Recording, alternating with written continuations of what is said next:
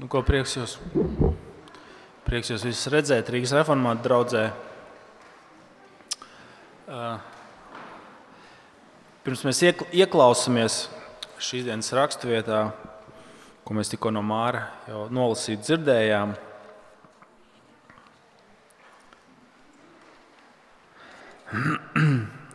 Lūksim, es, es pirms tam izlasīšu. Um, no 17. panta, un tad lūksim.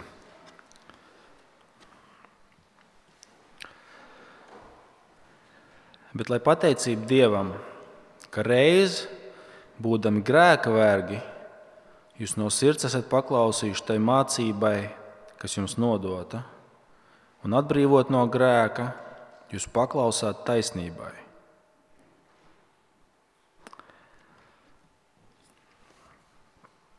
Kungs, tiešām pateicamies, kad uzņemot tavu evaņģēlīju, paklausot tai mācībai, kas ir mums nodota no Kristus, caur apstuļiem, Tēvs, mēs varam tikt atbrīvoti no soda, no grēka, no pazudināšanas. Varam, varam kļūt par taviem kalpiem, Tēvs. Lūdzam, tagad arī tiešām palīdzi mums uzņemt tavu mācību, palīdzi mums to saklausīt palīdz man to pasniegt, nesagrozītu, tās, un lai mēs to dzirdam kā mācību no tevis, un tiešām, lai ar vien vairāk un vairāk mēs varam nodot sevi, savu ķermeni, savu, savus domas, savu rīcību, nevis kā vergus nešķīstībai, bet kā vergus taisnībai uz svētumu, kā mēs to arī lasām. Lūdzam, Tēvs! Jēzus vārdā Āmen. Āmen. Uh, Apstults Pāvils jau pagājušajā reizē, bet arī tagad turpina uh, risināt vienu jautājumu, kur viņš līdz šim pateicis, kas mums ir noticis. Viņš saka, ka kristietis ir cilvēks, ticīgais ir cilvēks, kas vairs netiek glābts, tāpēc ka viņš ir paklausu baušļiem, bet tāpēc, ka viņš ir tavs žēlastībā. Ka viņš vairs nav pakļauts bauslībai, ka viņš netiek glābts no tā, ka viņš pild bauslību, bet tāpēc, ka viņš tagad ir zem žēlastības, ka viņš tiek glābts ticībā. Atcerieties, mēs eh, šis 15. pāns, ko viņš saka. Ko nu? Vai varam grēkot, ja vairs neesam padoti bauslībai, bet gan žēlastībai. Atcerieties, mēs runājām, ka kristietis ir cilvēks, kas dēļ atdošanas Kristū tagad dzīvo pilsētā, kas saucas žēlastība. Kristiešu dzīvē viss ir žēlastība. Sots ir izciests. Viņš netiek glābts ar, ar bauslības pildīšanu, viņš vairs nav padots bauslībai. Pret viņu ir vērsts Dieva labvēlīgais vaigs. Visu laiku pret kristieti ir vērsts, vērsts Dieva labvēlīgais vaigs, Dieva žēlastība.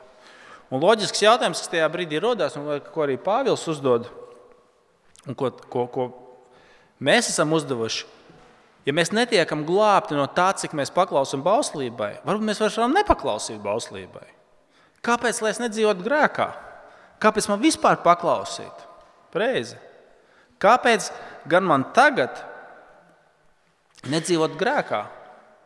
Pareizi. Loģisks jautājums. Un Pāvils atbild ar vienu lietu. Kas ir noticis ar kristieti? Kristietis ir kļuvis par Kristus kalpu. Kristietis tagad ir Kristus kalps. Paskatieties, kā viņš, kā viņš saka.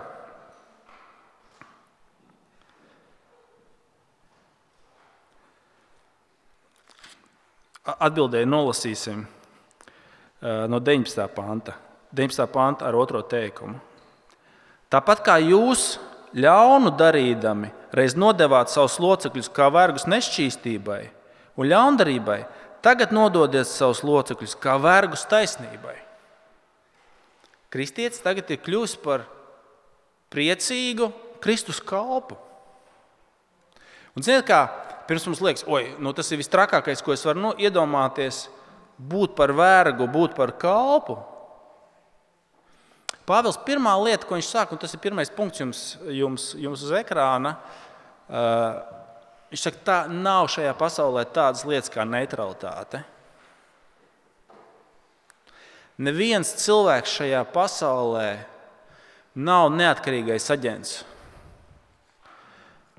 Pilnīgi visi cilvēki vai nu kalpo grēkam, pilnīgā grēka verdzībā, vai nu viņš kalpo, kalpo Kristum. Tu vienmēr esi kaut kādā kalpībā. Paskatieties, kā viņš saka, 16. pāns. Vai tad nezināt, ka nodevuši sevi verdzības klausībā, jūs esat vergi tam, kam paklausat? Vai nu grēkam, kas ved nāvē, vai paklausībai dievam, kas ved uz dzīvību? Viņš saka, tu vienmēr esi kaut kādā verdzībā. Vai nu grēkam, kas ved uz nāvi, vai dievam, kas ved uz dzīvību. Tu nekad neesi neitrālā stāvoklī. Nav tādas lietas kā neutralitāte. Nu, ziniet, kā? Es paņemšu dažus pavisam parastus piemērus. Ja tu gribēsi būt vesels un labā fiziskā formā, nu, tu nedarīsi, kā tu gribi. Tu nedzīvosi, kā tev ienāk prātā.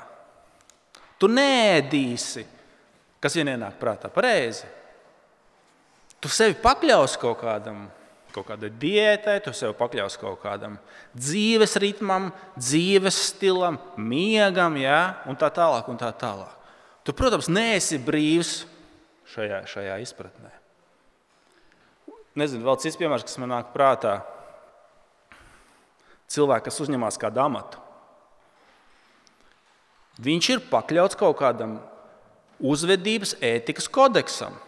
Par tautas kalpiem mēs viņus saucam. Viņš kalpo, ja? līdz ar to pakļaus sevi kaut kādam kodeksam. Es atceros, varbūt jums arī atmiņā, kā pavasarī, liekas, vai vasarā tas bija, kad Somijas premjerministra bija jautri uzdzīvojusi, un viņai bija ar asarām jātaisnojās un jā, jānodod tur uh,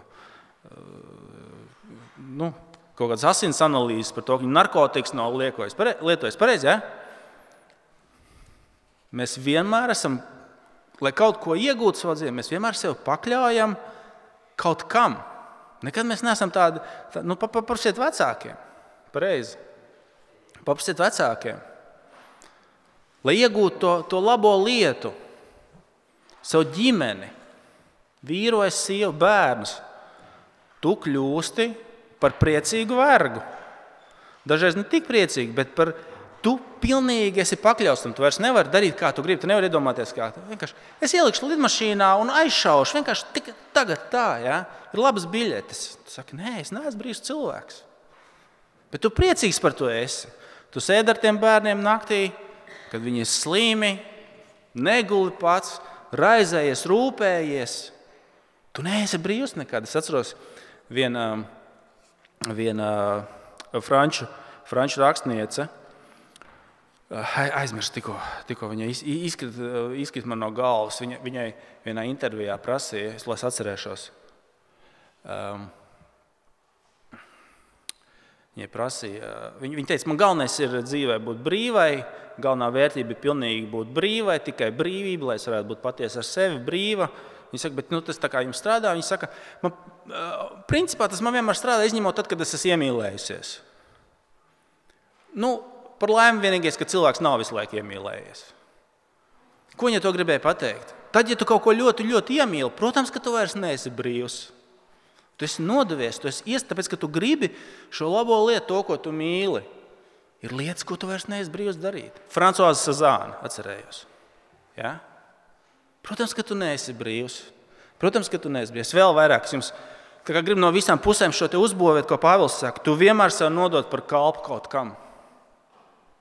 Vai nu grēkam uz nāvi, vai nu kungam uz dzīvību. Tās neutralitātes neeksistē. Ziniet, kā es jums no politiskā leņķa to. Mēs šeit dzirdam uh, par valstīm, kas kara situācijā grib palikt neitrāls. Otrā pasaules laikā tā bija tipiski Šveice, Zviedrija. Jā, mēs būsim neitrāls. Bet tad mēs saprotam, ka tad, kad tas ierauc lietā, kur ir lielāki spēki par tevi, tad izrādās, ka viņas nebija nemaz tik neitrāls. Šveice apstrādāja no koncentrācijas nometnēm nāko, nākošo zeltu, tur bagātības, ja, bankas to visu apkalpoja.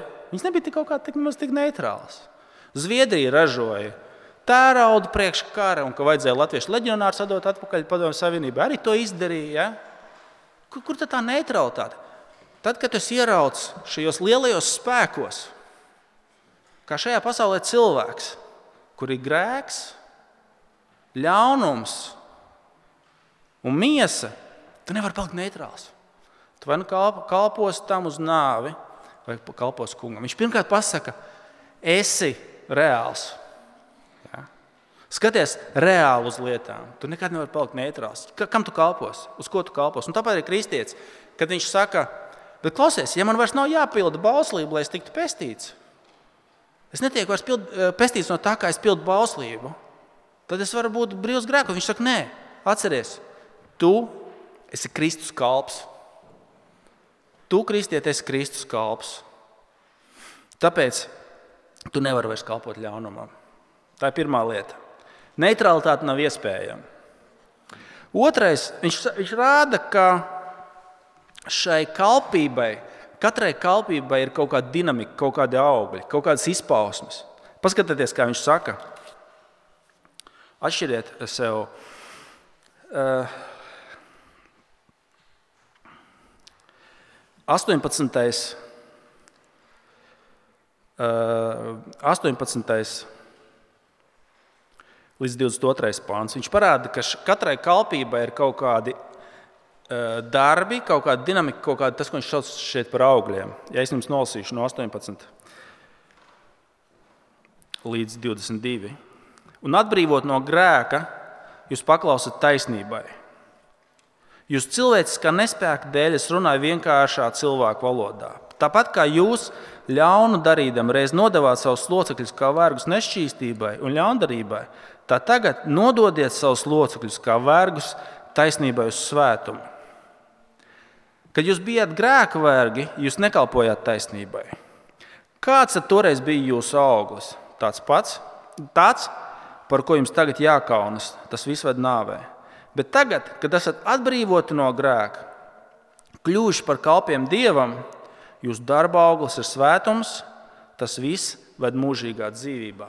Viņš saka, redziet, Jūsu iepriekšējai dzīvei bija kaut kādi augļi, kaut kādi rezultāti. Kaut kā, tas vienmēr ir kaut kādā dinamikā. Tas nav kaut kas statisks. Tas kristi, restīvi, gan cilvēks, kas nav kristietis, gan tas, kas ir kristietis, viņa dzīve nekad nav statiska. Viņa dzīvē ir kaut kāda augļa, kaut kāda rezultāti. Tāpat arī tas nozīmē, ka būt par kristieti tagad, teiksim, tu esi kļūst ticīgs, nenozīmē, ka vienkārši tu gaidi kaut kādu dienu, kad tu nomirsti, vienkārši kaut kā dzīvo, un tad tu varbūt tas būs debesīs. Tavai dzīvē ir dinamika. Tam, kad tu esi Kristus kalps, tam ir dinamika. Un apstāties, viņš, viņš runā par šiem augļiem, kas nāk no cilvēka dabas. Ja, auglis ir kaut kas, kas nāk no, no teiksim, tā auga dabas. Nedomājieties, viņš saka, jūsu auglis vecajā dzīvē, kad jūs kalpojat grēkam, bija, bija, bija, bija kas, kā viņš saka, ja? um, 21. Kas tad bija toreiz jūsu auglis? Tas, kas tas, no kā mums jākaunas, kas ved nāvē. Jūs dzīvē bija kaut kāds augurs. Iedomājieties, mēs zinām kaut kādus indīgos augus. Ja? Viņam ir kaut kāds DNS, viņam ir kaut kāda daba, kas dod augli, kas nes nāvi. Es, es eh, teiksim, ir tāds viens Latvijā, starp indīgiem augiem saucās četrlapu čūskoga. Viņš tāds četrām tādām perfektām lapām ar stiebriņu un galā tāda perfekta, melna, ļoti skaista, bet nāvējoša odziņa.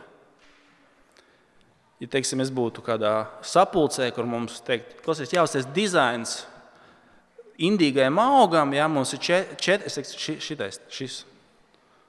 Ši, ši, viņš ir perfekts no, no pasakas sniegbaltītē. Ja. Un viņam ir kaut kāds DNS, viņam ir kaut kāda viņa daba, kas nes augļus kas nes nāvi. Un tad paņemsim citu augli, kuram arī kaut kāda daba, viņa DNS, kā jau es saku, viņš saka, tu vari pazīt pēc viņa augļiem. Dzīvē vienmēr ir dinamika. Vai tas nes, vai tas nes nāvi, vai tas nes dzīvību. Un tagad iedomājieties, citu augli, nezinu, smilcērkšķi. Viņam ir kaut kāda daba, un viņa augļi nes ko? Dzīvību, vitalitāti, vitamīnus, stiprinošu, tur, tā, stiprināt imunitāti. Viņ, viņš, viņam ir kaut kāds auglis, kas, mums, kas dod dzīvību. Tāpēc arī viņš saka šeit, uz ko, uz ko ir tavs dzīves DNS, tavas darbības, tavas dzīves auglis, uz ko, uz ko viņš ir. Viņš saka, tu, kristieti, nav iespējams kalpot ļaunumam, ja tev ir jauns DNS. Viņš saka, kā viņš apraksta kristieti, ko, ko, kas, kas ar viņu noticis, vai ne šie vārdi? Bet tagad, 22. pāns, jūs esat atbrīvoti no grēka un kļuvuši par kalpiem dievam. Un jūsu darba auglis ir svētums un tas, kas ved mūžīgajā dzīvībā.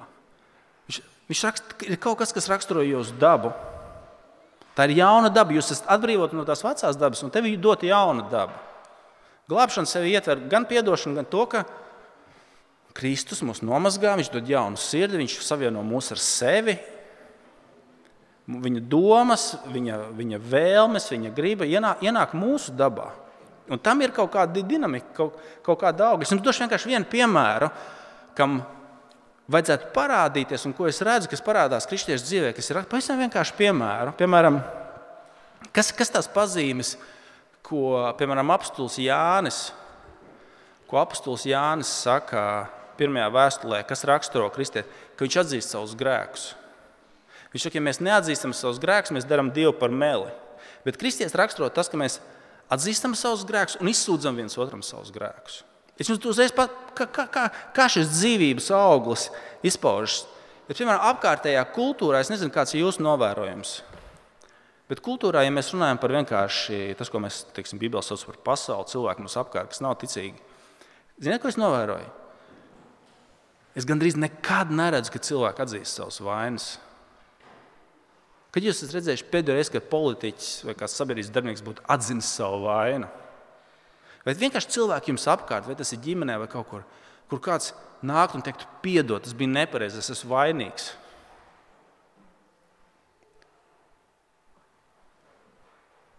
Savu vainu atzīšanu un izsūdzēšanu.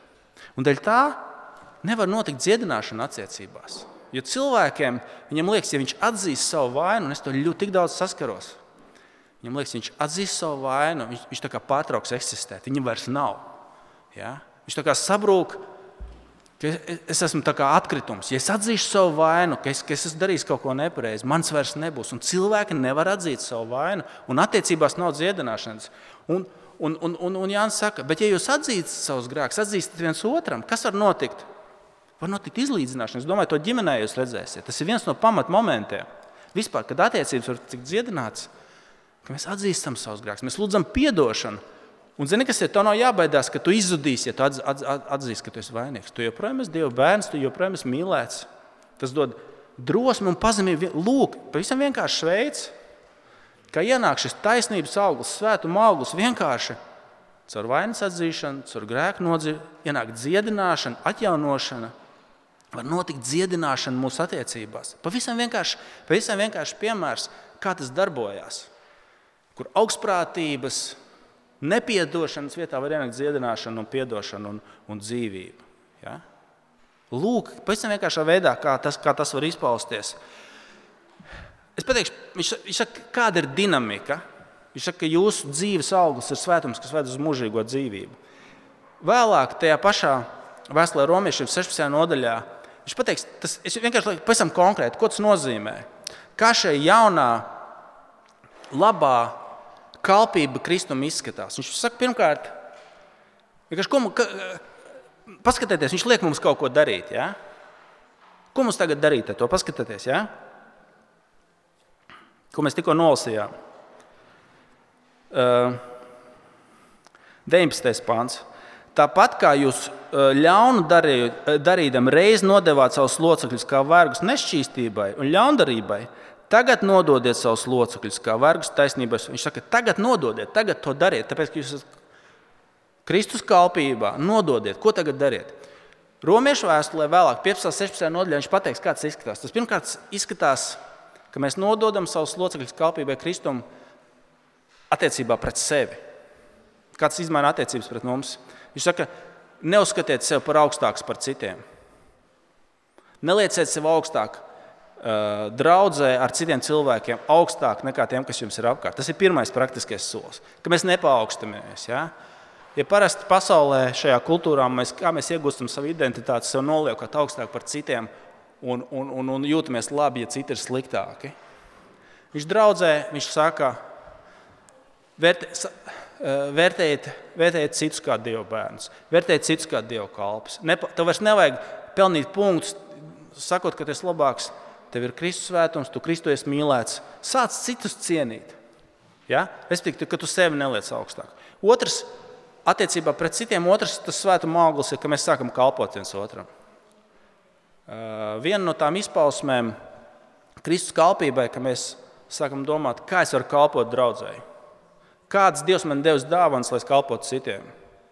Ka mēs nepaukstinamies, ka mēs meklējam veidus, kā mēs varam ar tām dāvanām, ko Dievs, Dievs mums ir kalpot citiem.